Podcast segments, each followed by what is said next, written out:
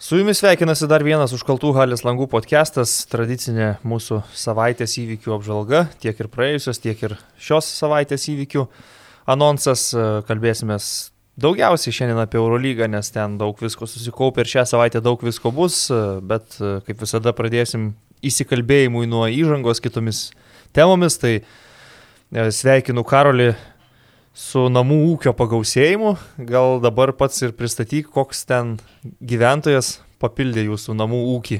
A, labas rytas visiems, taip, a, mūsų namų ūkis pasipildė. Labai dažna dabar frazė namų ūkis, namų ūkis. Labai prigijo, man atrodo ir po, po visų pandemijų ir karantinų bus vartojama toliau. Mūsų, mūsų šeimos narys trečias atsirado, a, kol kas tai yra tik gyvūnas, negalima sakyti tik gyvūnas, atsiprašau, tai yra gyvūnas, uh, graži katytė, balta, uh, šeštadienį tik parsivežėm, tai nežiūrėjau krepšinio, šiandien vien tu turėsi kalbėti. Uh, aš buvau užsiemęs rimtais dalykais, uh, šlapimo valymu iš lovos. Uh, žaidimų ir, ir kitais panašiais, uh, kitom panašiom veiklom. Koks vardas katytės? Dokumentuose Ursula, bet aš ją vadinu Sula. Sula, kaip beržų sula. Jo, jo, gėrimas. Jo. Iš kitos pusės alaus. Čia teisingai, e, klasikinis šitas. jo, jo, jo. 2000-aisiais daug ką galėjai nustebinti su tokiu punchline'u. Gerai, tai klausyk, o, kodėl nusprendėt, kad e, katytė, kodėl ne šuniukas, ar, ar jūs tiesiog tokie kačių žmonės, kaip vadinam? Ne, gal šuniui dar ateis laikas, kada nors ateityje, kai, kai galbūt persikraustysim ir į didesnį, didesnį plotą. Dabar toks plotas, kad šuniui, man atrodo, nebūtų vietos, šuo pats nepatogiai jaustųsi ir, ir e, tiesiog esu, man atrodo, pritaikę ir būtą, ir, ir, ir viską, ir, ir save nuteikę katinui reikėjo būtą šiaip paruošti, nes turiu tokių visokių uh, mažų šūdnikių, kurie man yra brangus, bet labai lengvai sudraskomi, tai viską reikia nuvažiuoti į ken, nusipirkti dėžės, viską tvarkingai sudėti, pakrovėjus viršui tik tai kažkur dėti, kad nesudraskytų, tai būtas buvo paruoštas iš esmės per vieną dieną. Ar čia yra pirmas naminis gyvūnas, kurį auginsi nuo pat pradžių esu, ar vaikystėje turėjai? Esu turėjęs uh, porą kačiukų anksčiau ir vėliau, bet e, vienas, atsimenu, pabėgo, kitą reikėjo išvežti pas tėvus, nes e, tuo metu, kai, kai Vilniui nuomaudavau, nuomad, nuomodavausi e, būstą, labai būdavo sunku susitarti su, su savininkais, vieni leidžia, kiti ne. Aš turbūt, jeigu, jeigu nuomočiau kitiems lygiai taip pat neleisčiau. Neleistum? Manau, kad ne. O kodėl? Nes, uh, man atrodo, per daug susikadina būtas ir nebent e, susitarė, kad, kad už viską atsako šeimininkai. Nu, tai ir... dažniausiai taip ir, taip ir turi būti. Jo, bet vis tiek būtas, pažiūrėjau, po metų pagyvenus su šuniu jis būna pakankamai nutreštas. Ir, nu, žinok, labai priklauso nuo šuo. Jo, tiesa. Koks tas šuo, nu, tarkim, mano šuo vienintelis dalykas, ką jisai gali palikti po tų kelių ar trijų metų, tai, nu, nežinau, plaukų kažkur užsiliks, nes baltas šuo, tai ten plaukai limpa prie fotelių ir panašiai, bet ten tokie dalykai kaip, tarkim, nemalonus kvapas, tai išsivedina, ką žinau. O, jo, aš buvęs o, tiesiog o, būtuose pas, pas porą draugų, kur tas kvapas toks toks ryškus, kad jis tikrai neišvedinamas nei ką. nu, kvapas, nu, jisai kažkiek įsivaizduoja. Bet čia priklauso nuo veislės. Faktas, bet vėlgi nuo šuns dar priklauso, kiek jisai išauklėtas, ar jisai suaugęs, ar jisai mažas, tai be abejo, jeigu tu įsileidi kažką su mažu šuneliu, tai nu, tikrai turtas gali nukentėti, kažką sudraskyti, kažką sukramtyti, bet suaugęs šuo gerai išauklėtas, tai jisai nu, tikrai turtui žalos nedaro. Galiu tiek pasakyti, pats turiu šunį, tikrai per visą šitą pandemijos laikotarpį padaugėjo nuomotojų, kurie galbūt nenorom, bet vis tiek jau priima ir su, su gyvūnais išnuomot būtus, nes, nu, tiesiog e, daug kas turėjo kokius ten Airbnb pasileidęs ir panašiai, tai reikėjo pereiti ilgalaikę nuomą ir per šitą laikotarpį tu nebegalėjau toks išrankus būti, tai kaip tik pataikėm praeitą gegužę, labai nesunkiai rast e, šeimininkę, kuri mielai priemė su, su šuniu, šuniui treji metai, suaugę šuo, um, jinai tokia truputėlį gal juokinga, cirkus krečia kartais, bet tai niekaip nėra susijęs su būsto naikinimu.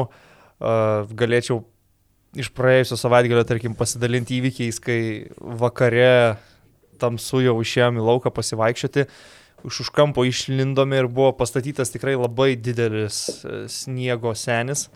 Neįtikėtinai ją šokiravo šitas objektas, buvo stipriai ant jo lojama, visai ten išreišk, išreiškiamas nepasitenkinimas jo egzistavimu toje vietoje, kur jinai įprastai eina šlapintis. Mano šuns vardas yra Jaja, pavadinta pagal Jaja turė legendinį Dramblio kaulo kranto futbolininką. Tai aš bandžiau ją privesti prie tos sniego senio, susipažinti su juo, bet jinai niekaip nesidavė. E, tik tai kitą dieną, jau kai šviesu buvo, e, iš ryto eidama į lauką, drįso prieiti ir susipažinti iš arčiau su tuo seniu ir suprato, kad jisai nekelia jokio didelio pavojaus. Tai mhm. jis vis dar stovi, bet jau ant jo nebeloja, jau jį priemė, bet turi mano šuo tokią, tokį gynybinį mechanizmą, kad net jeigu ir džiaugiasi, bet tarkim nepažįstamas žmogus atėjo, jinai visgina uodegą, džiaugiasi jo, bet pirmas dalykas, ką padaro, tai kokias 30 sekundžių ant jo loja. Tai kai kuriems žmonėms kartais atrodo, kad jinai pikta, bet iš tikrųjų jinai nepyksta, čia jos toks kažkoks, nežinau, būdas priimti naują žmogų, paskui po kelių minučių jau nurimsta ir, ir nebekelia jai tokios reakcijos. Tai ką galiu pasakyti, kad per šitus du karantinus, per pandemiją įsivaizduoju, kad jeigu neturėtume šuns, tai tikrai būtų žymiai sunkiau tvarkyti su tais visais procesais sėdėjimo namie, negalėjimo niekur išeiti. Psichologiškai tikrai būtų gerokai sunkiau, nes ir namie praskaidrina nuotaiką, kai aš, pavyzdžiui, vėlai atsikeliu, išeinu iš kambario, tai šuo visą laiką mane pasitinka, tarsi aš būčiau iš komandiruotės, grįžęs, nors aš tiesiog kitam kambarį mėgojau. Ir tai, kad randi ir reikalą, ir motivaciją išeiti lauką ir ilgiau pasivaikščioti ir pabūt tenai ir, ir leis šuniui ten išuostyti viską, išsituštinti ir taip toliau, tai galų gale, nu, kaip įrankis kažkiek tais palaikyti uh, judėjimą, kai tu realiai sėdi užsidaręs namuose, tai visi tie dalykai labai padeda psichologiškai ir bent jau mane žiauriai linksmina, tai kad yra šuo, o šunų per mano visą gyvenimą yra buvę nemažai tiek su tėvais augant, tiek ir brolio šuo, kurį ne, nemažai reikėdavo prižiūrėti, tiek ir dabar, ir brolis turi šunį, ir pas mamą yra šuo. Nors pas pirmas naminis gyvūnas mano buvo e, Katinas vardu Siaubas, e, nes jis labai labai visų bijodavo ir pripažindavo tik tai mano mačiutė. Tai dėl to jam buvo suteiktas toks vardas. Senelis berot sugalvojom žinatelis iš tą vardą. Um, bet mama mano galėtų tikrai patvirtinti, kad aš nuo kokių jau šešių metų buvau labai užsiveręs ant šunų.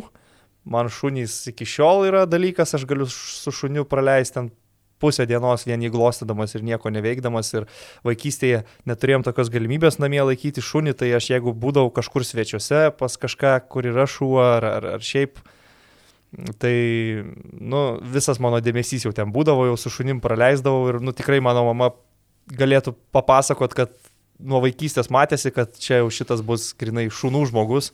Nieko neturiu prieš kates, bet visada renkuosi šunį. Tai va, toks būtų mano požiūris į naminius gyvūnėlius. Atsiprašau. Man net gaila, kad kažkiek anksčiau nepasėmėm, nes tikrai galėjom uh, paruošti būstą ir susirasti katiną turbūt balandį, tai to džiaugsmo jau, jau būtų. Jau būtų saugęs. Jau būtų kaip ir karantinas praėjus ir pirma džiaugsmo banga, ir antra džiaugsmo banga, ir dabar jau laukčiau gal ir, gal ir trečios tos e, džiaugsmo bangos, bet aišku, geriau, geriau vėliau negu niekada. Aš šiaip net ir papūgas esu turėjęs ir dabar, pavyzdžiui, uh, pas mano mamą yra toksai didžiulis kontrastas naminių gyvūnų, nes yra rusų samoėdas šuo baltas pukuotas, Sibiro šuo, kaip sakant, ir yra papūgos iš, iš šiltųjų kraštų. Tai mhm. toks crossoveris susitinka Sibiro šuo ir, ir, ir šiltų kraštų, nežinau iš kur ten, iš Australijos, papūgos. Ir, man patinka tai, kad jie labai susidraugavo, nežinau kiek papūgos, jų elgesi gal sunkiau analizuoti, bet pavyzdžiui, šuo tai jie žiauriai saugo, guli prie jų ir jeigu jau kažkas ten prieina prie jų narvelio, kažką tai daryti, tai visą laiką labai atidžiai stebi ir ten jau geriau kažkokių nereikalingų judesių nedaryti prie to papūgų narvo, tai vad susidraugavo mano mamos šuo, kuris jau yra solidaus amžiaus, jau 8 metai, su, su tom papūgom. Uh, Džiugu man iš tikrųjų pakalbėti apie naminius gyvūnus, aš žiauriai mėgstu šitą temą, žiauriai mėgstu apskritai kalbėti su žmonėmis apie šunis ir taip toliau. Tai labai sveikinu jūsų sprendimą e, priglaus kačiuką, e, linkiu gerą, gerą užauginti dorą pilietį. Ir man atrodo, kad taip linksmai galim perėti ir jau prie krepšinio reikalų, kur irgi buvo linksmų ganėtinai įvykių. Praėjusią savaitę Eurolyga pirmos... Ar tu iš karto prie Eurolygos, ne, ne? Ar tu norėjai kažką... Aš dar gal par, iš, iš kitų lygų apie tai, kas tai kas, tai, kas prasidėjo neseniai, prasidėjo kai kurie dalykai. Vieninga lyga vėl. Praėjusią savaitę, pažiūrėjau, šiandien prasideda FIBA Europos lyga. O, čia tas vadinamas atbrosų turnyras, kur... Su... Į, kurį, į kurį patekęs tu gali atsisakyti ir nežaisti. Jo, prienai. Man atrodo, Rutena, prienai. Lietkabelis. Liet... Lietkabelis iškrito iš čempionų lygos ir jie pasiskaičiavo. Ir reglamente kad... parašyta, kad toks formatas tu turi žaisti FIBA Europos lygoje. Bet jie sakė, nu jiem neapsimoka. Visiškai neapsimoka į minusą žaisti ir sako, ne, nereikia mums. Tai iš tikrųjų turnyras, kuriame gali surasti tokių komandų, apie kurias nesigirdėjęs ir kurios gal net iš tikrųjų neegzistuoja, bet tiesiog yra tokie pavadinimai ir niekas nepatikrins, nes niekas nežiūri FIBOS Europos lygos. tai gerai, ką tu mums papasakosi apie šį nuostabų turnyrą? Uh, apie jį nieko nepapasakosiu, aš tik norėjau paminėti, kad jis, kad jis šiam prasideda, uh, kiek čia 20 komandų, virš 20 komandų kažkaip sutiko žaisti e, tokio rango turnyrą, vis tiek tai yra, e, ką žinau, tarptautinis trofėjus tokiems kaip Rumunijos, Vengrijos, Lenkijos ar Bulgarijos, Kipro klubams įsirašyti istoriją, kad esi laimėjęs, kad esi patekęs į finalo ketvirtą.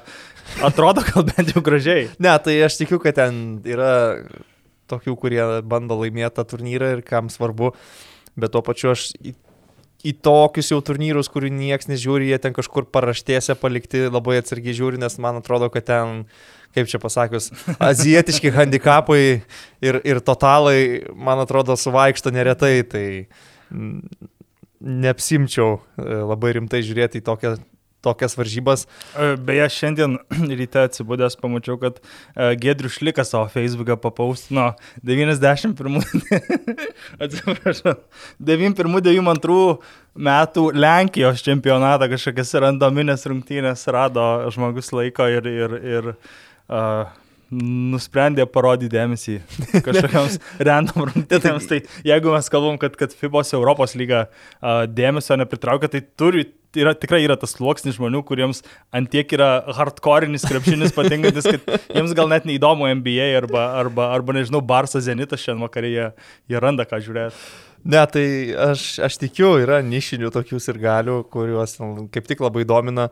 E, kita vertus, aš gal pasakyčiau, kad tais jau senesniais laikais e, man daugiau romantikos apskritai keldavo visi tie europiniai turnyrai, nežiūrint, ar tai būtų Eurolyga, ar jau tie, kur yra žemiau, ar, ar kai šiauliai žaisdavo gal ten trečias pagal pajėgumą skaitytųsi Europos turnyras, ta FIBOS organizuojama taurė, ar ten kokia FIBOS iššūkio taurė, bet kažkaip tuo metu man jie keldavo nu, normalius jausmus, kad nukrepšinis, jeigu rodo, tai žiūri.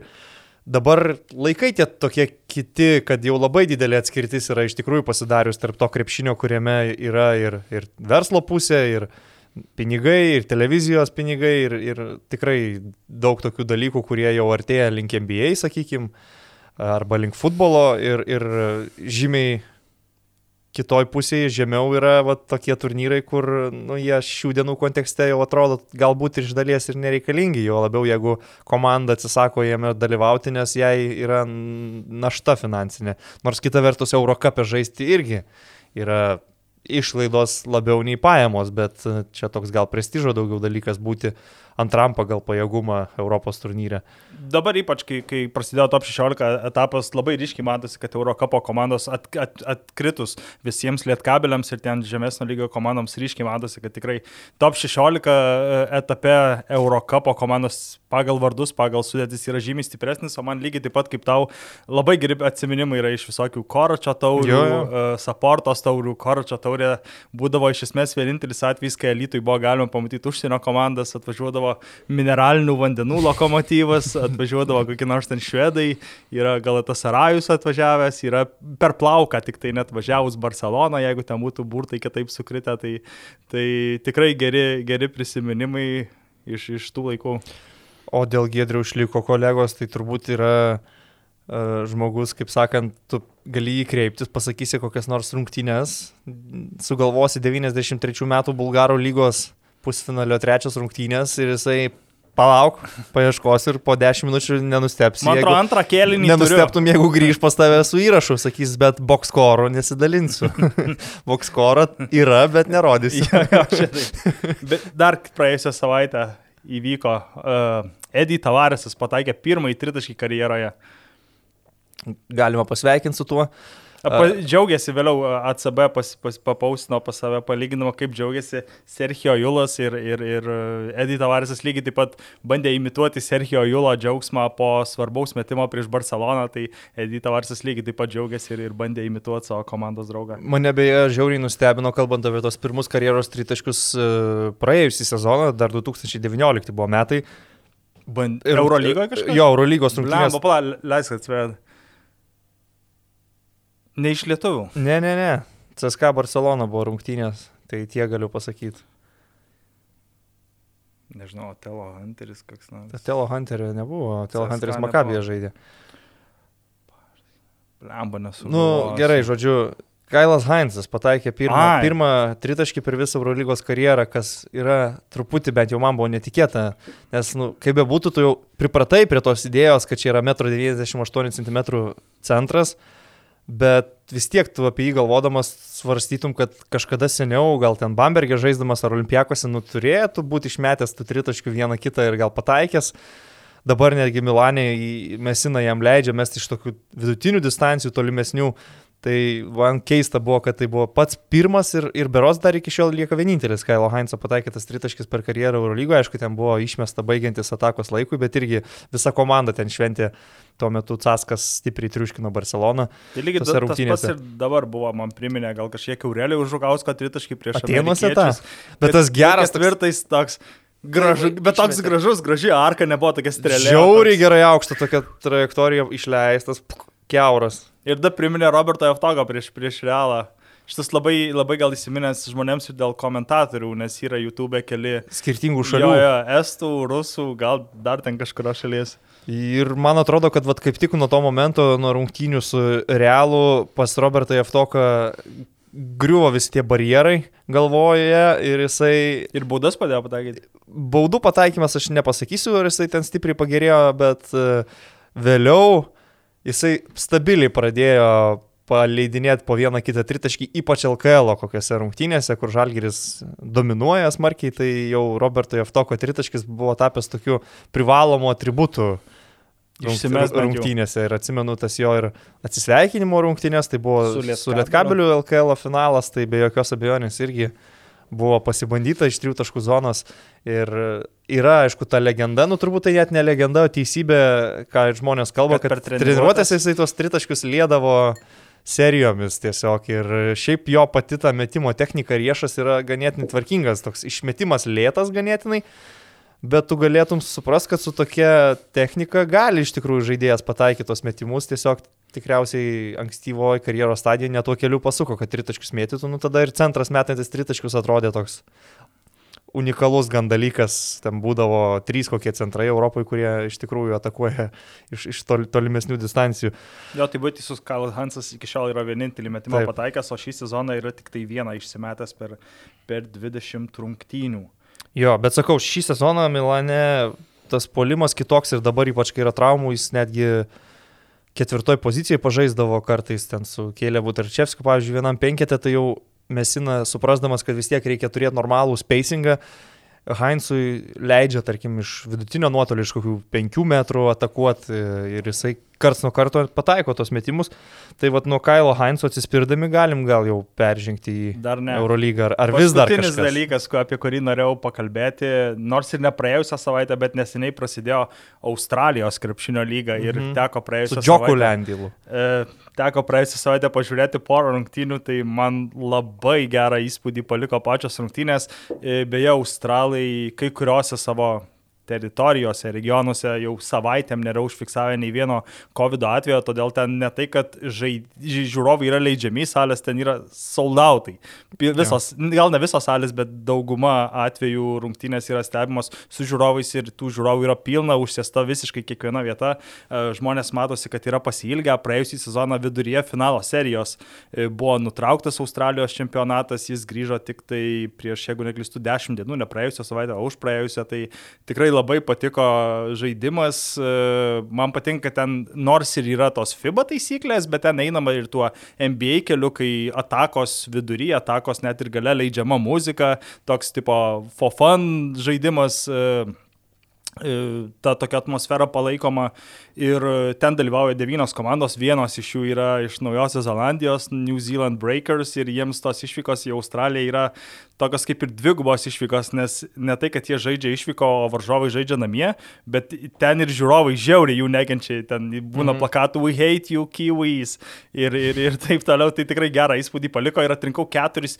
man atrodo, įdomiausius žaidėjus, kurie šiuo metu žaidžia Australijos lygoje, tai nors ir sužaistos šiuo metu yra tik tai po, po dvi, tris rungtynės kai kurios komandos, bet noriu, kad pabandytum atspėti jų statistiką šiuo metu. Tai čia kokią paklaidą man duoda? Nu, tiesiog kiek, tarkim, taškų metą. Kiek taškų metą, bet su kokia paklaida aš būčiau Teisus, nu, ten, nu, sakykim, trijų taškų. Jo, keturių taškų. Keturi gal taškai, man atrodo, normaliai, nes dar labai nedaug rungtynių sužaista. Tai nu, gerai. pirmas žaidėjas yra Bredas Niulį, kuris vis dar žaidžia. Bredas Niulį. Nu, Šiuo metu atstovauja Sidnėjaus Kings taškų rinkėjas, jisai niekada nebuvo toks darbinis daugiau žaidėjas, aš įsivaizduočiau, kad jisai baisiai daug taškų gal ir Australijos lygoje nerenka, bet 3-6 metų. Kietai ganėtinai žaisdavo jisai, fiziškai gerai pasirengęs, kas ir būdinga Australijos krepšininkams, tai aš sakyčiau, kad jo vidurkis turėtų būti kokie 10 taškų. 15,5. 15,5, nu daug, nemažai visai dar. Antras žaidėjas Cameron Bearstow. O, Vilniaus ryto legenda. Um, Ilivaros Hawks, man atrodo, čia tas pats klubas, kur pernai žaidė Lamelo balas. Taip, tas pats.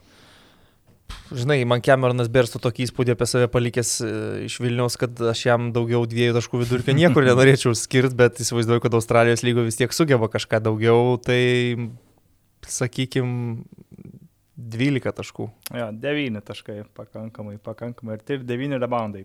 Aha, nu, tai beveik dvigubas dublis. Tada Džokas Landėlas. Džokas Landėlas, nu, tai turėtų, tu, turėtų ten skraidyti Australijos lygoje, tikrai aukšto lygio krepšininkas, Euro, Euro, Eurolygos lygio krepšininkas, tai aišku, tik dviejas rungtynės, tai tebūnie, tarkim, taškais 19 vidurkis. 14,5 ir 8 reboundai. Okay. Ir paskutinis žaidėjas Neitanas Džavajus. O, jis dar žaidžia. Jis dar žaidžia. Savo, aš kažkada neseniai apie jį buvau pagalvojęs. Aš lygiai taip pat nustebau jį pamatęs, kad jis vis dar žaidžia. Aš buvau prisiminęs, kaip jisai ten lankus laužydavo už Kazanės, Uniksą žaisdamas už Barsą. Toks monstras Bet geras vis dar žaidžia. ja, mane irgi žiauriai nustebino. Jam šiuo metu yra 33-4 to bus. Ai, tai dar netoks ne, ir senas. 3, atsiprašau, 35. Tai vis tiek dar netoks ir senas, toks dar normalus amžius. Nu gerai, ką šitas gali žvėris rinkti? Neįsivaizduoju, kokios jis formos šiais laikais. Gal jisai, kaip sakant, truputėlį iš, išsigrynino kūną, bet tebūnėt kad žaidžia trumpas atkarpas, per kurias padaro varžovams daug nuostolių ir renka po 12 taškų. Nu, galima sakyti, kad jis renka dvigubą dublį, nes renka 2 taškus ir 2 reboundus. O, nu aišku, tai tada turbūt daugiau dėl, dėl pavardės ir praeities Australijos komandai reikalingas. Aš kažkada irgi esu Australijos lygas stebėjęs seniau, studijų laikais dar žiūrėdavau aš visokių keistų lygų naktimis arba paryčiais. Labai patogiu metu, metu vyksta, nes jeigu yra tokių žmonių, kurių, tarkim, ar darbas yra susijęs, kaip mano, su, su sportu, arba, arba šiaip uh, mėgstantys pasilažinti žmonės, arba, arba turintys tiesiog rytais laisvo laiko, tai labai gerų metų vyksta tarp, tarp 9 ir 11 jo, prasideda. Jo, tai... jo. Iš ryto tas krepšinis jų esu žiūrėjęs ir, nu, man paliko tokį neblogą visą įspūdį, kaip galėčiau palyginti su Meksikos futbolo lyga, kurią irgi dėl eksperimento kažkada esu pasižiūrėjęs, e, kur tu randi ir šiek tiek tos europietiškos kovos aikštelėje, kur tikrai matosi, kad komandos rimtai nusiteikusios, australų žaidėjai visą laiką tokie kietakakčiai. kakčiai ir ten vienas kitas legionierius užklydęs toks įdomesnis. Jo, yra buvusio Eurolygos, buvusio Eurocapo žaidėjų. Plus šalia to, kaip tu paminėjai, va, tas muzikas per pertraukėlės, tai aš ką pastebėjau, jų ir visas televizijos transliacijos formatas, visa kita yra daugiau mažiau į tą NBA pusę. Tai kaip ir susiderina Eurolygos e, kovingumą su NBA tą pramoginę dalimi ir gaunasi Australijos krepšinio lygoje, aišku, ten pats tas žaidimo lygis e, ne visai toks statistika ten irgi kartais Ten tas teisėjavimas truputį kitoks, taip, nes, ir, nes dauguma žaidėjų turbūt kažkuriuo savo karjeros metu rinkosi tarp regbio ir, ir krepšinio. Ir, Nu, yra ir ten, Taip jau tai- gavosi, kad ta- tapo krepšininkai. tai, kas mums atrodo nesportinė pažanga, gal, ten jiem gal nebūtinai iš vis yra pažanga. Nėra kraujo, nėra Bet tu paskui tai, tą pamatai ir Australijos rinktinėje, kuri turi savitą labai tą žaidimo kultūrą ir, ir tikrai net ir tie NBA žaidėjai, Australai, visi bogutai, Milsai, nu, jie, mm, iš, iš jų žaidimo niekur nedingsta tie principai australietiško krepšinio, ko- kokie jie turi būti. Ir jie, kaip pavyzdžiui, atvažiuoja į FIBOS aikštelės, jie lygiai taip pat daužosi.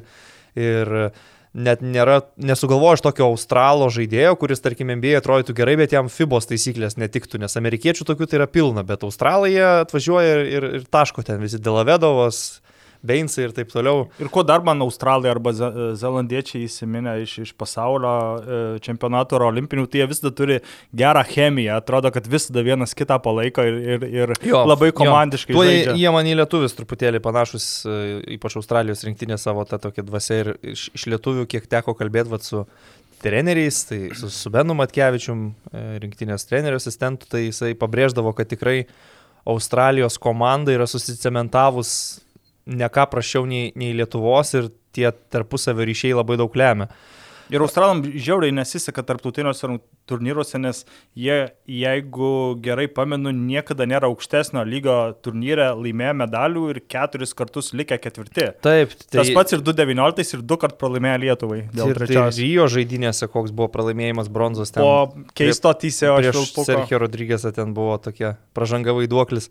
Tai tikrai nesiseka Bogutas, ten daug yra ir Twitter'yje prirašęs apie FIBA, apie teisėjus ir panašiai. Tai gerą humoro jausmą mat, matomai turi žmogus. Tai... Bet jeigu, tarkim, sujungtų Australijos kašio lygą ir LKL, tai įsivaizduoju, kad, kad Žalgeris ten vis tiek turėtų būti topinė būt. komanda, turėtų gal net ir, ir laimėtą čempionatą, bet, pažiūrytas, Lietkabelis, e, aš abejoju, ar jos ten tikrai, nežinau, pretenduotų, tarkim, į pirmą vietą, ar, ar kad lengvai aploštų tas Nu, aš nežinau, tai komandas. sunku būtų prie to fiziškumo prisitaikyti. Tai vėlgi, jeigu čia tokiam tavo hipotetinėme scenariuje e, dirbtų LKL teisėjai, tai jie gal vieną liniją paimtų ir, ir, ir tiem Australijos krepšinkam labiau reikėtų prisitaikyti. Jeigu dirbtų Australijos teisėjai, tai jau Lietkabelio, Neptūno ar, ar kokio ten kito Lietuvos klubo žaidėjams reikėtų priprast prie visai kitokio traktavimo ir, ir kitokių sprendimų. Tai čia kuriant tuos hipotetinius scenarius, yra lab, labai daug tokių vadinamų ifs and buts,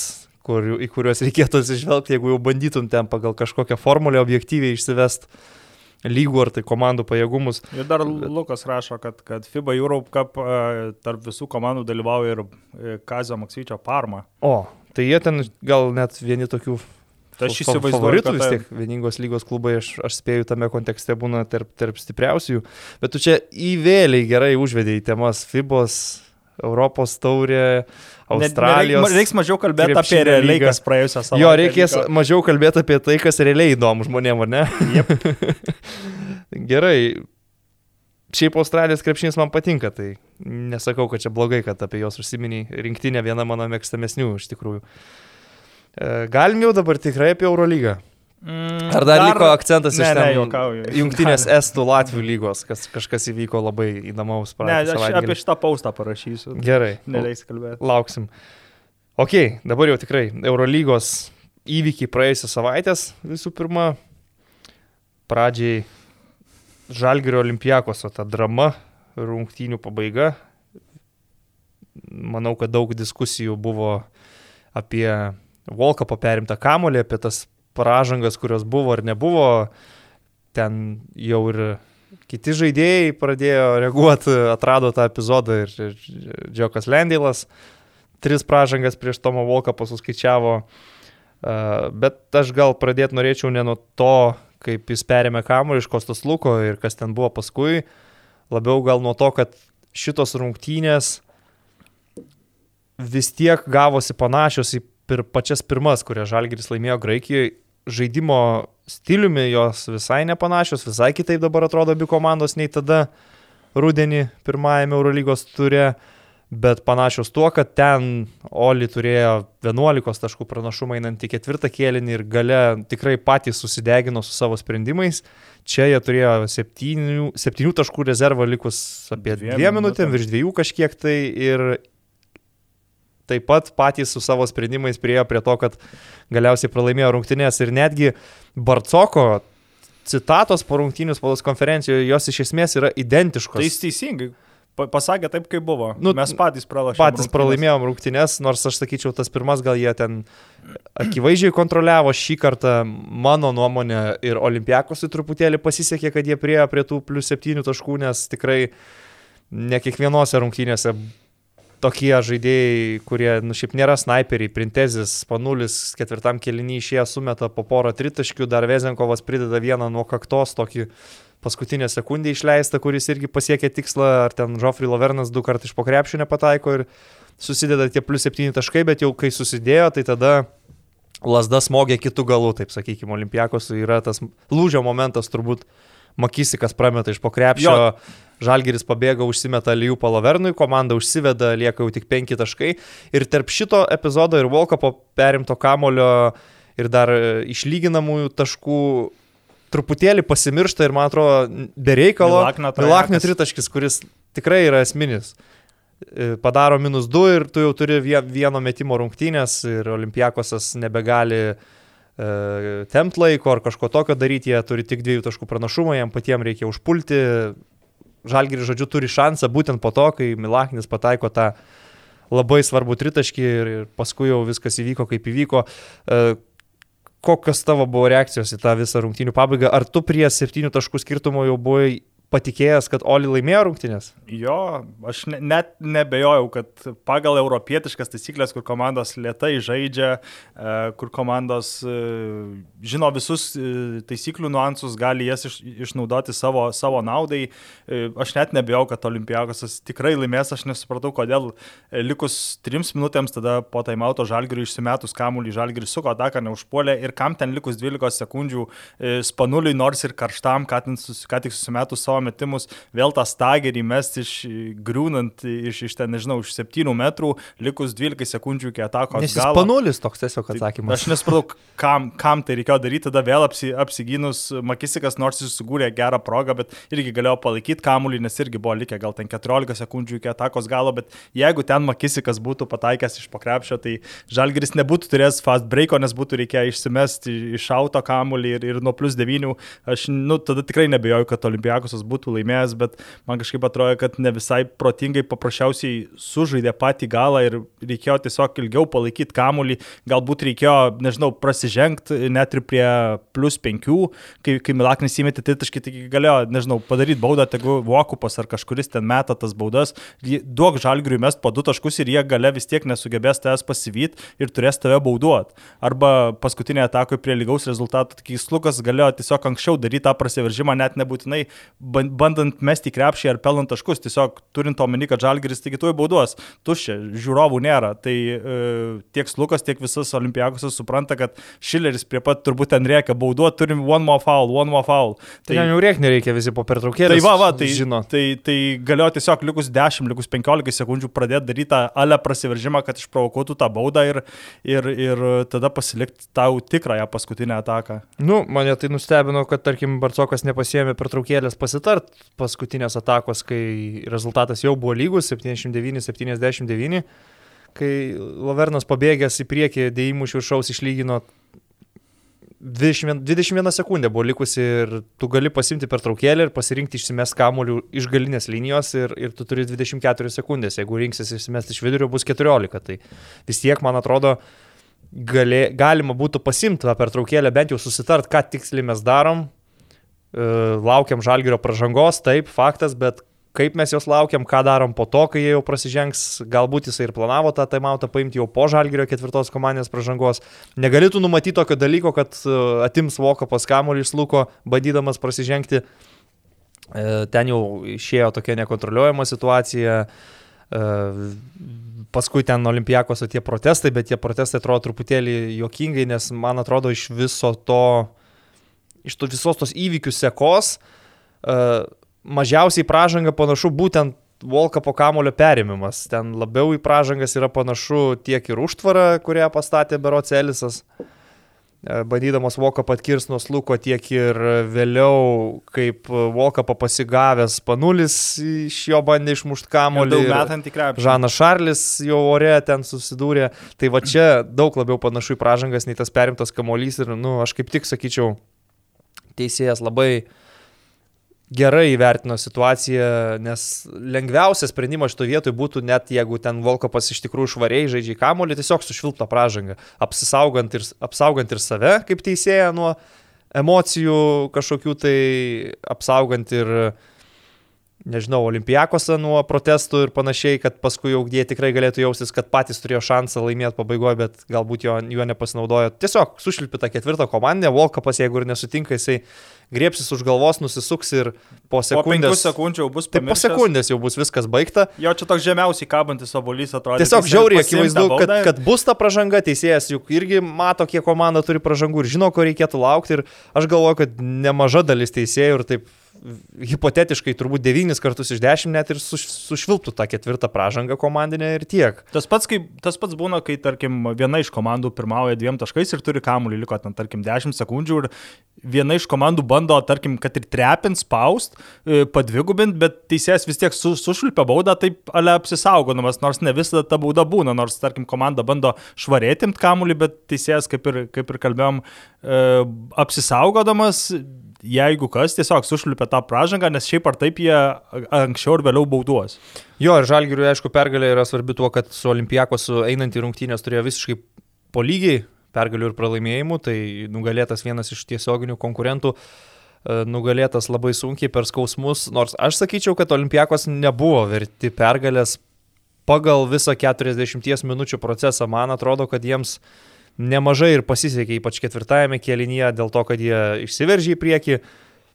Žalgiris savo ruoštų turėjo tokių momentų, kai atrodė, kad gali perlaužti rungtynės labiau savo naudai ir tikrai nepasinaudodavo tomis galimybėmis ir kažkur nesusitvarkydavo su varžovų e, pick and rollais ar ten su Vezinkovo įkirtimais, galų gal ir pirmoji pusė buvo jau gera pradžia, laimėtas kelinys 26-20 berots, pirmas kelinys, kažkas tai tokio. Ir gerą kėlinį, tu tarkim pasigadini su pražanga prieš Kostas Luko ir trimis baudų metimais, nu, va tokie visi dalykai, ten Luko 3 su pražanga, Spanulis irgi pataikė 3 taškį su pražanga. E, man atrodo, kad Olimpiakos ganėtinai sekėsi einant iki to 7 taškų pranašumo, o kaip jau pabaiga susiklostė, taip jau susiklostė. Vėlgi čia mano subjektivus vertimas, bet man Žalgeris yra šį sezoną geresnė komanda už Olimpiakose pagal tai, kokį krepšinį demonstruoja ir džiaugiuosi, kad laimėjo šitas rungtynes ir kažkiek sustiprino savo tą poziciją turnyro lentelėje. Aš olimpiakoso tai tikrai nematau kaip komandos, kuri galėtų patekti į playoffų šį sezoną. Žalgirį aš visai įsivaizduoju toje diskusijoje, neprognozuoju, kad jie pateks, bet jie man tikrai atrodo kokybiškesnė komanda lyginant su, su olimpiakosu. E, Olimpiakosas atvyko po pergalės prieš Asvelį, ten irgi per kraujus jo, buvo laimėta buvo. prieš tai, ten as, Slukas. Slukas iš, išlygino, jo Asvelis nebaudavo gale, namie buvo pralaimėta tam pačiam Asveliui, bet dar prieš tai, pavyzdžiui, įveiktas išvyko į Makabis. Makabis namie, bent jau namie yra labai gerai žaidžianti komanda, ten irgi per kraujus ištraukta, tai uh, nežinau, ar čia Žalgeris labiau buvo verti tos pergalės, ar, ar Olimpiakosas, bet vėlgi šį sezoną buvo tokių rungtynių, kai, kai Žalgeris kuris pačiam gale praloždavo, uh, tarkim, prieš CSK paskutinę minutę ten išsisprendė. E, panašiai buvo gal ir su Barcelona, kai galėjo būti iki galo intriga, bet, bet Žalgiriui nelabai sekėsi. Tai čia tos rungtynės, kur Žalgiris galbūt ir buvo vertesni, bet, bet reikėjo ir sėkmės. Ne, sėkmės aišku reikėjo pabaigoje. Tai patys krepšininkai niekiek su to nesiginčia ir pripažįsta, kad ten yra momentų, kur tu negali sakyti, kad juos nulėmė uh, gera taktika, gerai paruoštas derinys per pertraukėlę ar, ar kažkoks genialus veiksmas, bet tiesiog, kad ten Šakilas Makisikas, tarkim, nepataikė iš pokrepšio ir po to tu už, per 3 sekundės suorganizavai greitą ataką, tai be abejo tau reikėjo truputėlio sėkmės šitoje vietoje.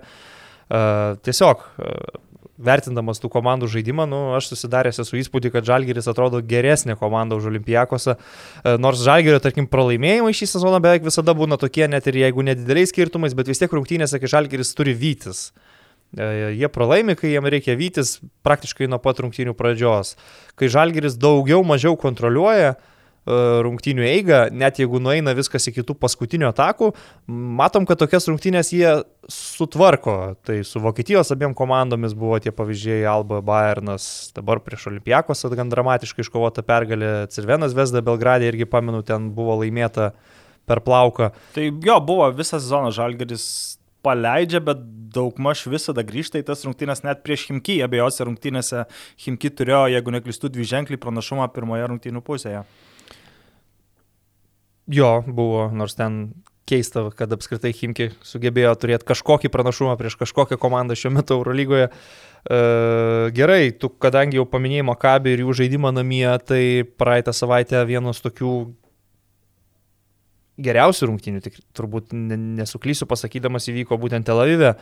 Makabė žaidė prieš Realą ir pagaliau Makabio komanda laimėjo sunkia pabaiga. Uh, tu paminėjai, kai podcast'o dar pradžioj tą Valterio Tavarešo pirmojo karjeros tritaškį, tai uh, mes su Jonu Lekšu sėdėdami komentatoriniai Žalgerio transliacijos laukdami, kaip tik kalbėjomės apie Makabį Realą ir ten klostėsi tokia dramatiška pabaiga. Uh, Ir aš sakau, žinot, Makabio sėkmė šį sezoną, tai turbūt tavarešas įmes tritaškį susirena ir realas laimės dar nuo lentos.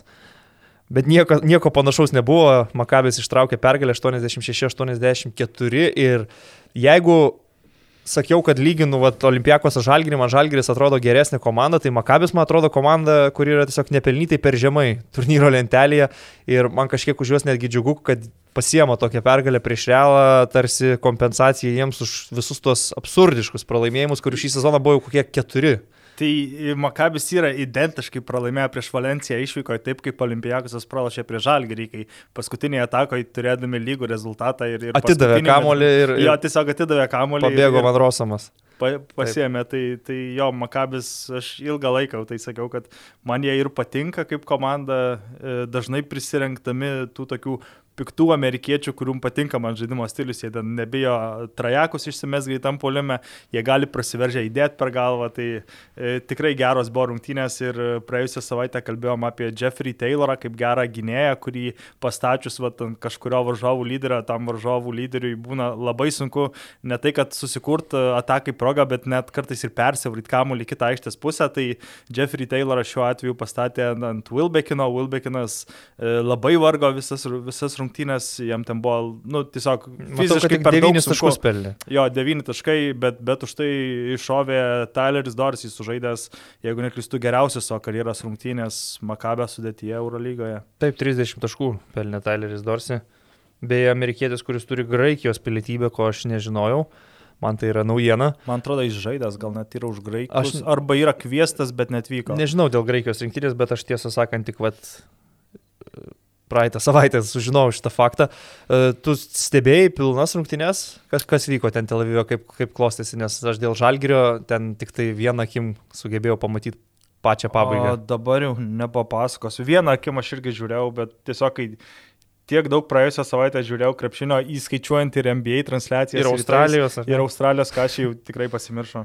Nu, ok, bet faktas, kad Makabis ištraukė tokią pergalę realų, tai kaip tik pastaruoju metu buvo daug rungtynių, kurios sprendėsi paskutinėse atakose, kur bandė J.C. Carolas išplėšti pergalę ir nepavyko, tai paskutiniai du va, tokie jų pralaimėjimai prieš Cirvenas Vesdą namie minus 2, prieš Makabį išvyko minus 2, dar šiek tiek anksčiau buvo minus 4 prieš Milaną ir Bayerną pavyko nugalėti per pratesimą irgi ten, kur ir po, po... ketvirto kelio gale Bayernas turėjo jo, šansą. Jo, po Bayerno nesąmonės. Tai i, iš esmės pagal tai, kas dabar vyksta antrajam rate prasidėjus su realu, nu, netrodo labai jau Pablo Laso komandos tokia saugi pozicija lentelėje, kad jie ten garantuotai būtų tarp keturių geriausių komandų reguliariame sezone, akivaizdžiai jiems dar reikės stipriai dėl viso to pakovot apie jų sudėties problemas, apie Laprovitolą ir taip toliau mes jau kalbėjom ne viename iš podcastų, bet tikrai šiuo metu realas atrodo ne tai, kad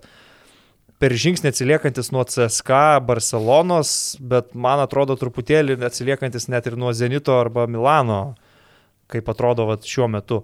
Kita vertus, tas vat, antras ratas, apie Makabį kylant į viršų kalbam, kad jie pagal potencialą tikrai aštuntuko komanda, tai ir Stambulo būdų klubai irgi juda į priekį.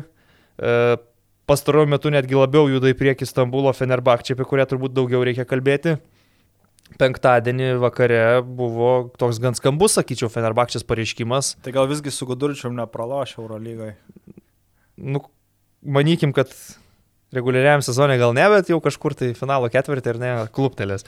E, bet jeigu rimtai, tai, tai tęsiasi ta puikiai serija, jeigu prieš tai galima buvo taip sakyti, kad e, per tą seriją jie iš esmės laimi prieš komandas, kurios tarsi ir turėtų nugalėti. Panatinaikosą pasimti namie ar, ar Baskoniją įveikti taip pat namie, arba Cirvenas Vesda nugalėti. Nu, tai atrodytų, kad Fenerbakčia kaip ir turi laimėti prieš tas komandas, bet Maskvoje prieš CSK revanšas, pergalė šešiais taškais. Priminsiu, kad pirmam rate labai apmaudžiai Fenerbakčia namie pralošė Atsaskui, kur Klaiburnas ten ištraukė paskutiniam sekundėm per pratesimą. Tai šį kartą šešiais taškais 89-83 Turkijos ekipa laimėjo ir Veselis su Dekolo surengė tokį šio sezono kontekste gal net patį geriausią dviejų komandos žvaigždžių pasirodymą, abu surinkdami netoli 40 naudingumo balų. Sumoje 70. Dekolo dar aišku akcentas, kad tai padarė prieš savo buvusią komandą. Veselį tiesiog šiuo metu atrodo labai geros sportinės formos. Ir va tokiu būdu Fenerbakčia sugebėjo nugalėti pirmaujančią Eurolygos komandą, nors CSK irgi kiek tas paskui rungtynės peržvelgiau, buvo priekyje ir atrodė, kad jie šiaip valdo rungtynės. Ypač pradžioj, taip bet ketvirto kėlinio antroje pusėje kažkiek pagriuvo tas CSK komandinis žaidimas, pakriko, buvo blogų sprendimų, kuo Fenerbak čia pasinaudojo ir tikrai, nu, Nando Dekolo žaidė taip šaltakraujiškai, ar taip sutapo, kad būtent Megasport arenoje prieš CSK su klubos ir galiais jis tokį pasirodymą surengė, bet tai atrodė kaip tas pik dekolo, geriausių, geriausių laikų dekolo, koks jisai buvo, kai tas ką laimėjo Eurolygą. Jo, aš dar pamenu, kai, kai dekolo buvo, būdavo eilinis žaidėjas Europoje, Valencijoje žaidė, buvo starto penketas žaidėjas, bet niekada ne, nebūčiau pagalvojęs, kad toks žaidėjas, kuris tuo metu dar ir to metimo nelabai turėjo iš toli, toks atrodo, kur prasiverždamas gali sustoti išsimesti e, arba lejapą, arba, arba midrange, bet vėliau ištobulio iki tokio, kuris su Teodosičium buvo turbūt geriausia tuo metu gynėjų para Europoje, Teodosinčiui, man atrodo, net gal neinant į starto penketą, būdavo tie dekolo tokie prakirtimai pro, pro galinę liniją, tie perdavimai, užtikrinti taškai, abu visada sumesdavo būdas, tai jo, geri prisiminimai. Gerai, tai Fenerbakčiai tikrai verti paminėjimo, atkreipsiu dėmesį vis dėlto ir į Janadolo FS rungtynės Sankt Peterburgė, kurios man buvo neįtikėtinai keistos, komanda su 18 polimet kovotų kamolių pralaimi rungtynes ir teoriškai ten galėjo pralaimėti ir ganėtinai didelių skirtumų, bet ketvirtam kėlinį šioks toks comebackas, sugrįžimas į rungtynės įvyko. E, vėl Artūras Gudaitis pasirodė galingai, dar vienas jo toks e, rungtynių MVP lygio pasirodymas, bet e, realiai Anadolo FS dėl ko pagrindė pralaimėjo tas rungtynės ir dėl ko po dviejų kelinių, tarkim, buvo minus 22 taškai, ką ir Erginas Atamanas kalbėjo po rungtynių, tai tiesiog jie siaubingai nepataikė laisvi gerų tritaškių, kuriuos susikurdavo ir netgi po atkovotų kamuolių polime ir buvo tokia ataka, kuri man labai įsiminė. Penkis ar keturis trajegus išsiminė. Keturis, e, bet esmė yra, ta, kad, esmė yra ta, kad taip, keturi iš penkių žaidėjų, kurie buvo aikštelėje, išmetė po tritaškį visiškai laisvi tuo metu. Tai buvo Kronoslavas Simonas pabandė, Rodrygas Bauba pabandė, Adrianas Mormanas pabandė, Micičius pabandė ir tik tai Šanly, kuris tuo metu buvo aikštelėje, nebespėjo, nes penkto kamulio polime nesugrebė. Ir tada kitoj pusėje turim Zenitą, kuris net ir per rankas viską sumės. Holinsas ypač ten jo. Aišku, Zenitas nerealų kėlinį, man atrodo, tas jų pirmas kėlinys tai yra pavyzdinis, kai komanda visus taškus susirinko arba iš pokrepšio, arba baudų metimais su 80 procentų dvitaškių pataikymu. Tai pasijautė labai geras jų pasiruošimas rungtynėm būtent per pirmą kėlinį. Paskui jie susikrovė tos 22 taškus, antroji rungtinių pusė buvo Anadolo FSO bandymai grįžti, bet net ir antroji rungtinių pusė tęsiasi ta pati tendencija, kad Anadolų laisvi nepataiko tritaškių. Micičius visus prameta, Mormanas kiek lieka laisvas, prameta Bauba, prameta tie žaidėjai, prieš kuriuos galbūt Zenitas kažkiek ir rizikuoja, gynyboje jie irgi visi prameta, Larkinas truputį pataikė vienu metu, bet seniai nemačiau, kad Eurolygoje komandai taip žiauriai nekristų tritaškiai metant laisviems kažkiek gal net primena praėjusio sezono žalgerį per devinių pralaimėjimų seriją. Tik tai tiek, kad Anadolo FS yra labai stipriai priklausoma komanda nuo tolimų metimų, viena labiausiai priklausomų nuo tolimų metimų, nuo to, kaip sužais jų, jų gynėjai, jų lyderiai. Ir, na, kai turi tokį blogą pataikymą, net 18 polimet kovotų kamuolių tau neleidžia laimėti rungtynių, man tai yra tokia anomalija, nes realiai europietiškame krepšinėje tau pasako, kad uh, vat, viena komanda šiandien paėmė 18 kamuolių polime ir natūrali tavo išvada bus tokia, kad jie tikriausiai laimėjo rungtynės, nes jie jau taip stipriai kontroliavo lentą. būtų ramiai laimėjo. Tikriausiai laimėjo dar nemažų skirtumų jo, bet šiuo atveju laimėjo Zenitas 85 78. Ir nemaža problema e, Anadolų yra Vasilijaus Mičiaus e, nestabilus metimas iš tritišką, nes jeigu į sezoną pradėjo ten iš 4-0, iš 9-1, e, vėliau lyg ir pagerino tą taiklumą, tai vienos rungtynės būna, kad pas jį 6-1, iš 8-1, bet paskui būna rungtynės, kad iš 7-5, iš, iš 5-4 ir tai labai dažnai įtakoja, kaip, kaip sužais tą dieną Anadolo Efis ir, ir ar laimės ar praloš. Ir šitose rungtynėse debitavo Džananas Musa, Bosnijos grįžęs į Europą. Aš tai ten į daug vilčių nededu šiaip. Nu, iš savo pusės dar nepasakiau, aš dedu į vilčių ar ne, aš tik tai sakau, kad jisai debitavo. E, Turkijos lygoje beje sužaidė geras rungtynės, pelnė 19 taškų. E, Ne tai, kad vilčių dedu ar nededu, man atrodo, kad visai normalus jų sprendimas pasikvies dar vieną žaidėją padidinti rotacijai, jisai gali žaisti trečiojo, ketvirtojo pozicijose. 2,6 cm vis tiek yra pakankamai talentingas žaidėjas, galbūt ir Ginui Tamanui jisai tinkamas dėl savo savybių polime ir žiūrėsim, kaip jį išnaudos, nu, bet faktas, kad NBA sudėtinga jam buvo dėl asmeninės gynybos, ten jam ieškodavo Bruklino nets tinkamos pozicijos, kur jisai gali žaisti, koks krepšinis jam būtų tinkamas, kokia sistema, bet kad ir kiek šansų jam suteikdavo, nu, jautėsi, kad NBA jam krepšinis netinka dėl grinai asmeninės individualios gynybos vienas prieš vieną, kurį atletiškesni žaidėjai apeidinėja, plus dar būdavo tokių kalbų, kad charakteris ganėtinai sunkus, toks truputėlį aikštingas žaidėjas. Na, nežinau, kiek jis pritaps Anadolo FS, bet jiems, nu, turbūt norėjosi pasipildymo ir apie tai buvo kalbėta netgi anksčiau. E, Į trečią poziciją, būtent kur Jamesas Andersonas nemažai rungtyniauja, nors nėra vienas iš tų ryškiausių žaidėjų komandai. Tai ne tai, kad aš lūkesčius čia dedu į ar ne, tiesiog paminiu faktą, kad debitavo Musa Anadolų komandoje. Krepšininkas, kuris būdamas paaugliu Europoje smarkiai užsihypino, užkūrė hypą tokį po kaip tik to turnyro Kaune 16 mečių kai, kai dominavo ir su Bosnija ir Hercegovi- Hercegovina laimėjo titulą. Jo, ir ten jų tas grįžimas į Bosniją ir Hercegoviną, tai buvo pirmas aukso medalis komandinėje sporto šakoje Bosnijos istorijoje, jeigu neklystu, įskaičiuojant visas sporto šakas ir visas, e, ir, ir visas amžiaus grupės, jeigu neklystu, tai ten jie buvo pasikti, pasitikti ten vos ne kaip karaliai. Tai juos pasitiko ten panašiai kaip pasaulio futbolo čempionus pasitinka savo šalyje. Jo. Tikrai pasitikimo, aš tą atsimenu, buvo ganėtinai įspūdinga. Uh, kiti rezultatai, pavyzdžiui, mane šokiravo Milane rungtynės, Milano Olimpija prieš Müncheno Bayerną, Milanas be keturių traumuotų svarbių žaidėjų. Bayernas, kaip ir šio sezono tas tamsusis arkliukas, bet sužaidė tikrai pačias, pačias blogiausias šio sezono rungtynės. Ne tik Bayernui, bet gal apskritai kaip komandai blogiausias pasirodymas, kokį mačiau, net ir lygoje, kurioje rungtyniauja Himki šį sezoną. Ta prasme,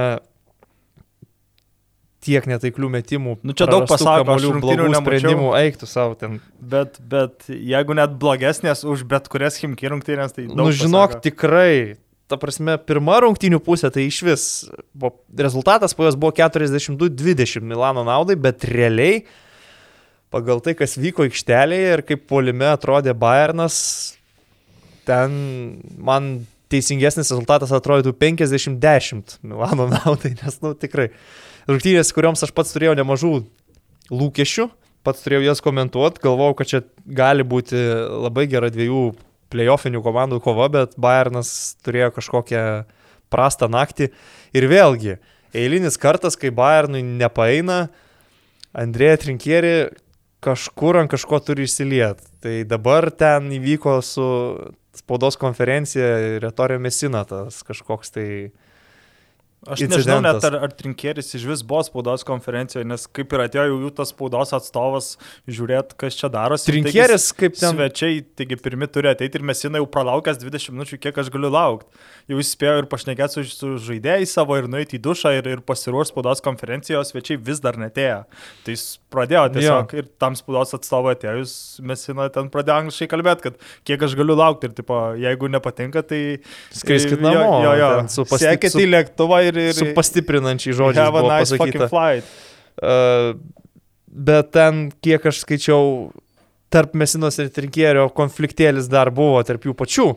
Asmeniškai, tarp, tarp dviejų Italijos trenerių. Tai... Jo, čia dar reikia turėti omeny, kad abu yra italai ir abu turbūt turi savų ambicijų, o, o šiuo atveju e, Mesina tvarkingai išspardė užpakalį trinkėriui bent jau aikštėje.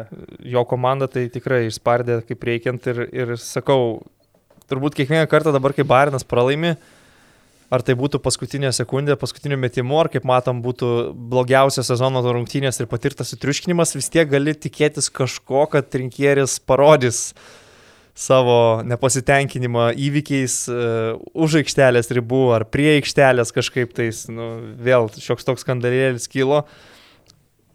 Kartais žiūrint šiaip į tą komandą, va ypač kai šitaip triuškina, pagalvoja, ar, ar nėra taip, kad kai kurie žaidėjai, amerikiečiai, ypač Jėlinas Reynoldsas, nesutarė gal šiek tiek su trinkieriu, nelabai patinka jam trenerio charakteris ir vadovavimas ir galbūt treneriui ne visi žaidėjai patinka su savo asmeninėmis savybėmis.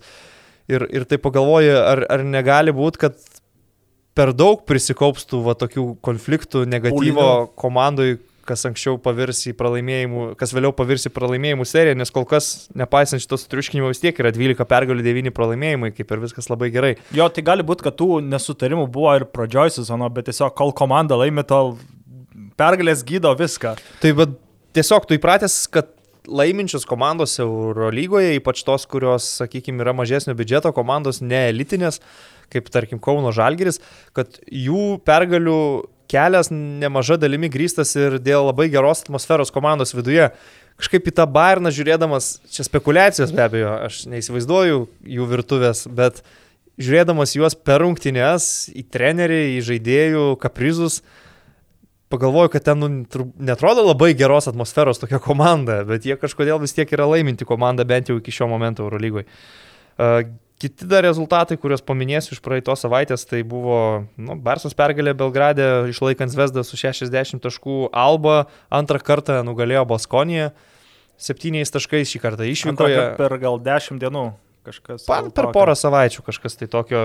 Vėlgi rezultatas man dar kartą parodantis, kad Baskonija šį sezoną nėra playoffų komanda, nors kelis kartus jie ten iššovė, nepanašu man, kad jie galėtų patekti to paštuonis. Ir dar iš ketvirtadienį įvykusių rungtynių, na, Panatinaikos su pergalė prieš Himki be abejo formalumas, bet vad pavyzdžiui, Svelis dar vieną nukirto potencialų to paštuonį varžovą, tai yra Valencija, 90-77 prancūzijos komandos pergalė ir pagalvoju taip, kad vis tiek Asvelis, jeigu ne visi karantinai, koronavirusas, komanda buvo iškritusi, sustabdyta pirmam rate, galbūt šiuo metu irgi dalyvautų tose lenktynėse, nes man atrodo, jie šį sezoną turi labai solidžiai įdomią, ambicingą komandą su jaunu treneriu, kuris akivaizdžiai nori parodyti save visai Europai. Tai pagal galimybės aš įsivaizduoju, kad jie galėtų pretenduoti tas vietas, bet turbūt per daug buvo prarasta per pirmą ratą, bet faktas tas, kad jie atima iš Valencijos, atima iš Olimpijakos ir tokia komanda yra pavojinga. Jo, galio net ir abi rungtynės prieš Olimpijakos abu laimėjo, nusipirko Deriką Waltoną, jaunesnį buvusį žalgerą žaidėją trumpai. E, bet e, jo, tas koronavirusas jiems biški su, su, sujaukė kortas ir geresniu atveju jie dabar turi septynes pergalės, galbūt būtų turėję devynės ar bent devynės, aš įsivaizduoju. Ir dar nebūtų taip toli paleidę to top 16 traukinio. Top 16? 2014. tu mėgsti grįžti į praeitį, tos klasikinius. Atsukom laiką. E, Šį savaitę Eurolygų dvigubą, tai Kalbant apie žalgyrį, išvyka, išvyka į Ispaniją. Į top 16 šiaip pasvelis gali būti, kad pateks. Jo, į top 16 netiek daug reikia, Himki tikrai aplenks ir jo, dar vieną komandą reikės. Kokias vesda. E, tai va, dvigubą savaitę dabar. Žalgiris lankosi Ispanijoje, skirtingose Ispanijos regionuose. Pradžia Valencijoje, paskui laukia Baskų kraštas. ar tavo nuomonė tiktų vėl tas toks Vienas e, iš ku- dviejų. kuklus, kuklus jo variantas, kad visai neblogai atrodytų viena pergalė per, per šitą dvigubą savaitę. Manau, kad taip ir, ir jeigu prieš kažką būtų galima rinktis tą pergalę, tai turbūt reiktų gal prieš Valenciją laimėti, nes akivaizdu, kad e, gal ne tai, kad akivaizdu, bet tikėtina, kad Baskonija bus aplenkta, kad prieš Baskoniją gali būti, kad to, kad to skirtumo tarpusavio nereik, tai, nereiktų tai bent jau sumažinti arba net ir panaikinti Valencijos pranašumą egzistuojantį prie Žalgerį. Būtų labai gerai ir beje, sekmadienį abi komandos žaidė tarpusavį Baskonija su Valencija ir, ir Valencija ten namuose. E, Tik pirmą kelnį pralaimėjo, vėliau ramiai pabėgo ir, ir virš, virš laimėjo. 20 taškų laimėjo tas rungtynės, bet kuo įdomios tos rungtynės statistiškai, šiaip pakankamai retas atvejis, kad visi 24 rungtynėms registruoti žaidėjai pelnė taškus. Mhm. Ret, ne, ne, nedažnai žiūriu bokskorus, bet čia toks dalykas, kur gal ne visada pamatysi, kad visi 24 ne tik išbėgtų į aikštę, bet visi 24 ir atsižymėtų statistikoje. Nu, turbūt, kad taip, kalbant apie Europą NBA, tai nieko labai netikėto. Jo, jo. Bet e, taip, nes, kaip sakant, netaip dažnai pamatysi, kad apskritai visi 24 išbėgo, vienas dalykas, o kitas, kad dar ir visi būtų pelnę ta- taškų. E, bet iš tikrųjų aš tai galvoju, aš sutinku, kad prieš Valenciją laimėti būtų labai svarbu. E, Bet šansų daugiau prieš Baskoniją. Didesnius šansus matau įveikti vis tiek jo, būtent Baskonė, kuri šiuo metu man atrodo labai pažeidžiama komanda, ką rodo ir jų demonstruojami rezultatai ir ten galbūt ir Duško Ivanovičius kėdė kažkiek įkaitusi po pastarųjų tokių pralaimėjimų Berlyno Albai, Feneriui minus 20, dabar vietiniai lygoje minus 22 nuo, nuo Valencijos. Tai man atrodo, kad Baskonė parklubdyti yra labai tinkamas metas, o su Valencija nu, reikės kautis. Be abejo, Valencija pastaruoju metu irgi kažkiek buvo nukrypusi nuo to kurso, patyrė keletą pralaimėjimų, kaip ir minėjau, Sveliui praeitą savaitę nusileido, bet man atrodo tokia truputį ir neparanki žalgerių komanda, nes turi gerų metikų, apsistačiusi snaiperiais, turi labai patyrusių, protingų žaidėjų, e, Dublevičių, Kaliničių, Deriką Williamsą, stiprius va tokius krašto polėjus, trečius numerius, trečius ketvirtus e, kur Nigelui Heizu, aišku, bus labai daug darbo. Galima prisiminti, kad jie Kaune laimėjo prie Žalgerį tuo metu, kai Žalgeriečiai irgi turėjo pergalių seriją, gerai pradėję buvo sezoną. Ir Žalgris net ir rungtynės tada labai gerai pradėjo po, po dviejų kelnių, Taip. pirmo gal ar aštuoniais ar, ar, ar link dešimt taškų, bet antroje pusėje Valencija labai gerai susigynė. Užmėtė prie peličius viską ir, ir, sumetė. ir kiti. Tai sakau, atrodo tokia komanda, su kuria ganėtinai sunku žaisti. Žalgiriui varžovas gal ir ne pats parankiausias dėl to, kad Valencija kaip ir Žalgiris labiau mėgsta tokį atviresnį krepšinį ir kai kuriuose pozicijose reikia pripažinti, jie turi daugiau talento ir daugiau patirties. Tai bus labai sunku. Aš nesakau, kad neįmanoma, man atrodo visiškai įmanoma pasimti dvi pergalės per šitą savaitę, bet vėlgi taip kukliau pasižiūrėjus atrodytų, kad laimėti vienas iš dviejų rungtynių būtų irgi neblogai. A, tai tokia yra Žalgirio dvigubo savaitė, galima dar pasižiūrėti į, į kitas komandas, kas laukia mūsų jau šiandien vakare.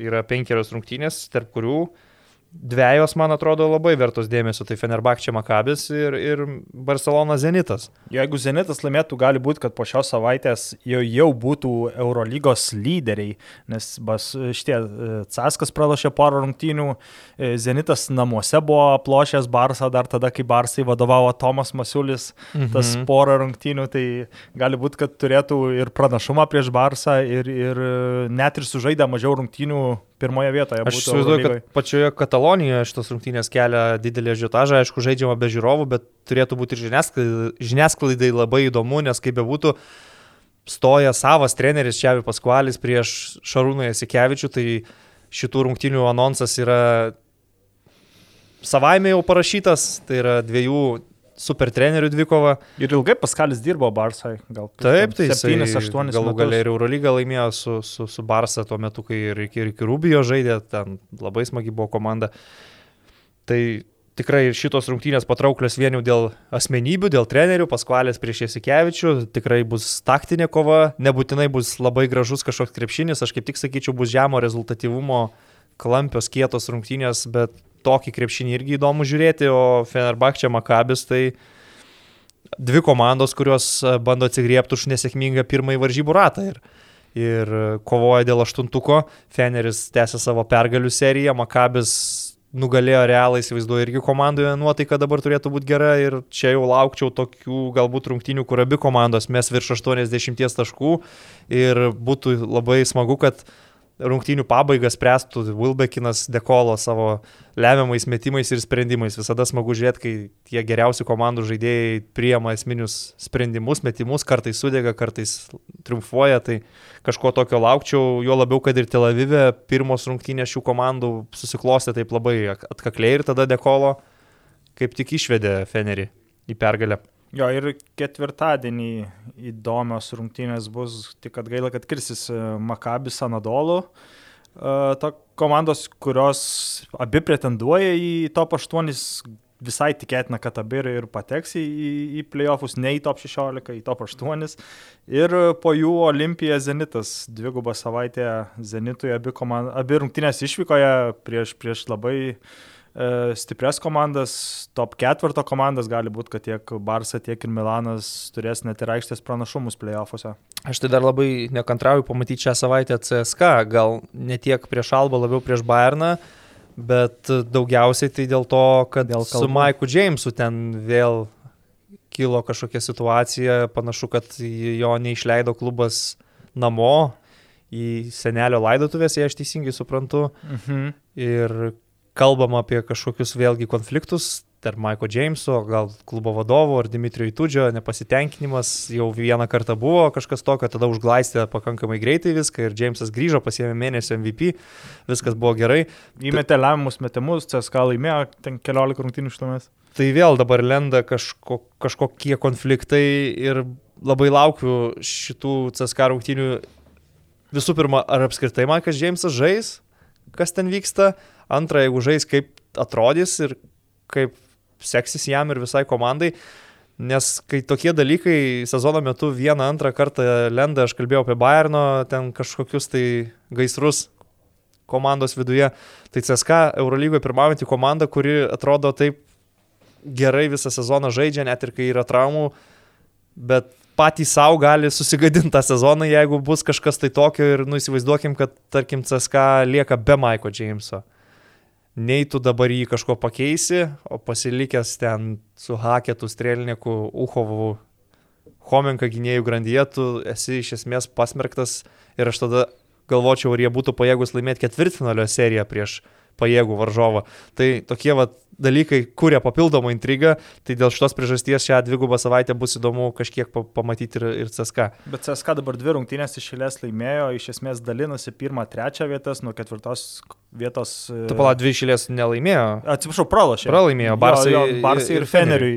Pirmą, trečią vietas dalinasi, ketvirtą vietą lenkia tik tai galima sakyti, pusantros pergalės, nes Milanas žaidė vienom rungtynėm mažiau, tai jeigu Maikas Džeimsas atsisakytų galbūt žaisti ar kiltų dar didesnis konfliktas, tai gali būti, kad CSK gali būti, kad, kad nukristų iki ketvirtos vietos ir tada uh, teoriškai galbūt išeitų prieš, tarkim, Madrido realą jau ketvirtfinalyje. Jisai Twitter'yje rašė kažką tokio, kad kartais pats nesupranta, kaip jisai susitvarko su visu to šūdu, kuris būna ir sako, niekam nelinkėčiau tokio karjeros kelio ar kažkaip panašiai, nu, dviprasmybių nemažai galima rasti toje Twitterio žinutėje, akivaizdžiai kažkokie dalykai yra negeri. Bet šiuo atveju, jeigu CSK būtų Jamesą išleidę, tai dėl COVID protokolų gali būti, kad jie būtų praradę jį ten dviems ar trim savaitėms. Tai va aš ir įsivaizduoju, kad čia nėra toks paprastas Taip. sprendimas išleisti, kaip normal, normaliais laikais nekiltų tokio klausimo. Vienas rungtynės praleidai. Gerai, galbūt viskas. vienose rungtynėse nesužaisi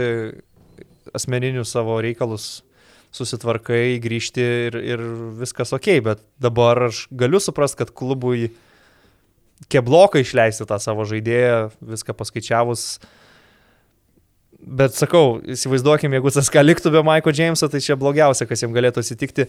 Nors kita vertus, man irgi atrodo jie netie geri, kad užtikrintai laimėtų reguliarų sezoną, man jie netrodo tokie geresni už Barceloną, už Zenitą, uh, tiesiog kažkaip jie vienu metu labai stipriai suklikino, tai buvo turbūt lapkričio gruodžio mėno ta atkarpa, kai jie viską, visus šlavė iš eilės ir rinko pergalės, bet matom antrą sezono dalis jau atsiranda ir tų pralaimėjimų namie, ir traumos, ir visa kita, tai netrodo man jie tokie geri, kad kalbėtum apie juos kaip kažkokią garantuotą pirmą vietą reguliariam sezonė, tai jeigu jie ir nukristų žemiau, aš nesakyčiau, kad čia kažkas labai tokio sensacingo. Jo, ir CSK labai priklausomi yra, tarkim, nuo dviejų ar trijų žaidėjų, kai tuo tarpu Barcelona jau kurį laiką žaidė, tarkim, be Mirotičiaus, be Brandono Deiviso, buvo sunkesnių atkarpų, bet atrodo, kad vis tiek tas pergalės rinkos. Tai Barcelona, kad ir kaip banaliai tai skambėtų, yra daugiau priklausoma ne nuo vieno ar dviejų ar trijų netgi žaidėjų, kiek jie yra priklausomi tiesiog nuo savo sistemos ir savo komandinės gynybos pagrindė. Nors tai skamba banaliai, bet taip yra, tokia yra tiesa. O CSK vis tiek yra nu, komanda, kuri prisitaiko, taip kai kuriuose rungtynėse laimi dėl gynybos, bet pagrindė didesnė dalis jų pergalių yra pasiekta grinai dėl jų tų ryškiausių žaidėjų savose pozicijose dominavimo. Tai arba Milutinovo, arba Maiko Jameso, kartais Willo Clyburno, kuris pastaruoju metu jau ilgokai nežaidžia, bet turėtų grįžti į aikštelę artimiausių metų, gal jau šią savaitę. Dar noriu apie kažką pakalbėti? Nu, norėčiau, dar yra visada apie ką pakalbėti, bet gali, Gerai, tai gali pasilikti gal kitam kartui. Ką šį kartą atvežam į Elytų? Atvežėm Karį, atvežėm, atvežėm Durantą. O kokį tikslą dabar keliam? Nes tada keliam tikslą Lietuvos Dzukijai Eurolygos finalo ketvirtas. Gal šiandien pabandykime kukliau LKL žiedai, kad komanda prasiskintų į finalą ir būtų pajėgi nugalėti serijoje Žalgirį. Kokių atletų Aš reikėtų? čia pusiau juokavau apie Dzukiją, bet tokia ir tai galim kalbėti. Labai trumpai galim tada jas. Čia gali būti mūsų kokia tradicija apie Lietuvos Zukiją pakalbėti, apie jos e, galimybės iš e, LKL outsiderių virsti į Europoje laiminčią komandą. Tai e, dabar galim rinktis iš Eurolygos krepšininkų, ne NBA, kaip pana kartą vežėm superžvaigždės. Okay. Kokie tavo manimų penki Eurolygos žaidėjai galėtų padaryti e, Dzukiją LKL čempionais? O reikia kuo pigesnius ar, ar tiesiog? Nu, sa, geresnius? sakykime taip, galim pasimti tris superstarus ir du ro- role playerius. Mhm. Tai po krepšiu tada Kailas Heinzas, man atrodo, toks žaidėjas, kur, kur uh, patyręs, kuris gali duoti savo 25 minutės labai geras uh, gynybą, gali viską keistis, gali gal net ir pataikyti iš, iš toliau. Uh, superstarai. Prieš ką čia nesiseka žalgiriui gintis, nes iš esmės čia reikia apža, apža, apžai žalgirį. Apžai žalgerį, nu taip, kitus gal kaip nors jau. Ir jeigu, tarkim, to žvaigždės atvyktų, atvyktų į, į Dzukiją šią savaitę, sakykim, tai galbūt gautųsi taip, kad Dzukija liktų aštunta ir Žalgiris, Žalgirį išmestų jau ketvirtfinalį ir paskui užtektų tik tai Nu, mes pusfinalį finalą laimėti. Kalbėkime apie tai, kad čia būtų pilnas sezonas, kai Zukija su šitais Ne, legionieriais eina ir bando nukauti žalgerį. Ok, Kailas Heinzas, superstarai. Tai imu gal Dekolo, imu Čiačio Rodrygėsą. Tu į superstarų dar laikai šiuo metu? Nu, tai vad priklauso, ką mes, ką mes vadinam pagal- superstarų. Man atrodo, kad pagal dabartinį jo lygį. praėjusį sezoną žaidė labai gerai, man atrodo, pasėmė ir mėnesio MVP ir buvo galbūt ne pagrindinis e, žaidėjas tapti MVP, bet buvo gal kalbose tarp, tarp top 3, tarp top 5 žaidėjų Eurolygoje, tai nežinau, tai čia priklauso. Nu, Būtinai- gerai. O tada įimu prie role playerių Šeivoną Šilcą, man labai jis patinka, kai, kaip jis atrodo Milane. e, Daro visą juodą, nematomą darbą, bet vėl tada kertasi su geriausiais Dzukijo žaidėjais, nes yra Jomatas, yra Jasaidis ir tada Nu, tai Kaip jie gerai, reikia rotacijos, reikia sudėties gilio, viskas čia normaliai. Nors aš sakyčiau, šiuo metu man Šilcas daugiau superstaras nei Rodrygėsas pagal šį sezoną. Ai, tai iš esmės aš vos Nu, bet- visą Milaną bet pasiėmiau. atveju, Pasiemi tris Milano žaidėjus. Ir Ir reikia tada dar gal Mirotičių. ketvirtą poziciją. Superstaras. Superžvaigždėjim Rotičius. Nu, aš neimčiau taip, kaip tu sukomplektavai, nes man atrodo, kad e, Dekolo ir Rodrygėsas gynyboje yra pažeidžiami ir Žalgeris čia su savo, Čiačio tai iš vis su, savo Grigorijais, nesigina. Grigoniais, Volkapais ir visais kitais serijoje rastų savo kozirių. Tai aš galvočiau taip, kad man, tarkim, gynėjų grandyje reikia vieno gynybinio cementuojančio žaidėjo ir vieno to tokio lyderio žvaigždės. Tai mano tas žaidėjas klyjei būtų Danielis Haketas. Mhm. Vidurio polėjo poziciją aš užsipildyčiau jau su superstaru Valteriu Tavarešu, kuris nuvarė į nevilti žalgerį rungtynėse Kaune ir aš galvočiau, kad tas milžinas yra pernelik neparankus vos ne bet kuriai komandai, tame tarp ir žalgeriui, kad su juo aš galėčiau laužyti seriją. Um, tada kadangi paėmiau haketą į antrą poziciją, man irgi reikia labai aukšto lygio kūrėjo. Mėgstu aš Maiką Jamesą, bet šitoj vietoje gal pasimčiau truputį kitokį krepšininką ir tebūnie Corey Higginsas, kad išlaikyti gynybos balansą, bet tuo pačiu ir žaidėjas super talentingas, kuris bet kurį vakarą gali rinkti apie 20 taškų ir daugiau ir nužudyti bet kokią komandą savo metimais, prasiveržimais. Um, trečia pozicija - sveikas, pilnai pasiruošęs Willas Clyburnas. Mm, jo net netraukiu, Tai- nes traumuotas. tai čia jau- jo. Tuo aš užbaigiu savo trijų superstarų komplektaciją su Clyburnu Higginsu ir, ir Tavarešu ir į sunkio polėjo poziciją man reikia paprastesnio žaidėjo, tai aš paimsiu žaidėją, kuris praplės aikštelę tritaškiais. Šį sezoną labai gerai jis rungtyniauja Alekas Petersas. Jo, Tai- paskoniai duoda, duoda geras minutės net ir gale rungtynių. Man reikės vat, sniperio, kuris praplečia aikštelę, tai Alekas Petersas, o tada jau nuo suolo treneris spręs, kaip integruoti visus veteranus ir, ir kitus. Treneris Vasilievas. Treneris Vasiljevas taip spręs, kaip integruoti veteranus, kur- kurie jaunesni krepšininkai pajėgus kilt nuo suolo ir, ir padėti rotacijoje. Ir, nu, vat, su tokiu penketu galvoju, kad mes turėtume šansų tapti LKL čempionais. Aš bet ką Alytuje. atiduočiau, kad pamatyčiau Dzukijos treniruotę ir kaip Mirotičius duoda patarimų Tomui pačiasų jaunesniajam. Ar Tomas Pačiasas jaunesnysis duoda patarimų Mirotičiui? Gal kur Štai- susirasti štai kur klausimas. picą, ne vien dėl to jo. Tai va, antrą savaitę išėlės užbaigėme podcastą diskusijomis apie Lietuvos Dukijos galimybės laimėti titulus Europoje ir Lietuvoje. Tai labai smagu. Ir Vienintelis titulas, kurį yra iškovojus Alitaus komanda, yra NBL iššūkio taurė, jeigu neklystu, 2005-aisiais. Gal ir tu žaidėjai tada? ne, Gerai. bet, bet tai buvo didelis laimėjimas. Didelis laimėjimas. Nu labai gerai, džiugu. Bet palatai, tada Alita čia buvo dar. Jo, Alitaus jo, jo. Alita, ar ne?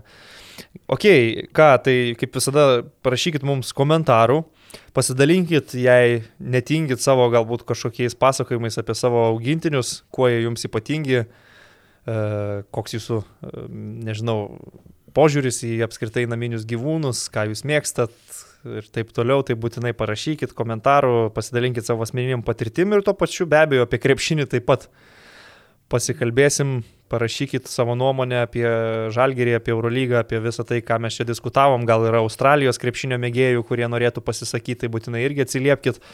Ir šiam kartu jau baigiam, atsisveikinam, kitą savaitę tikimės vėl susitikti ir vėl kalbėsim apie krepšinį kartu su Karoliu. Čia Local Pub'e užkalti halės langai. Iki. Viso.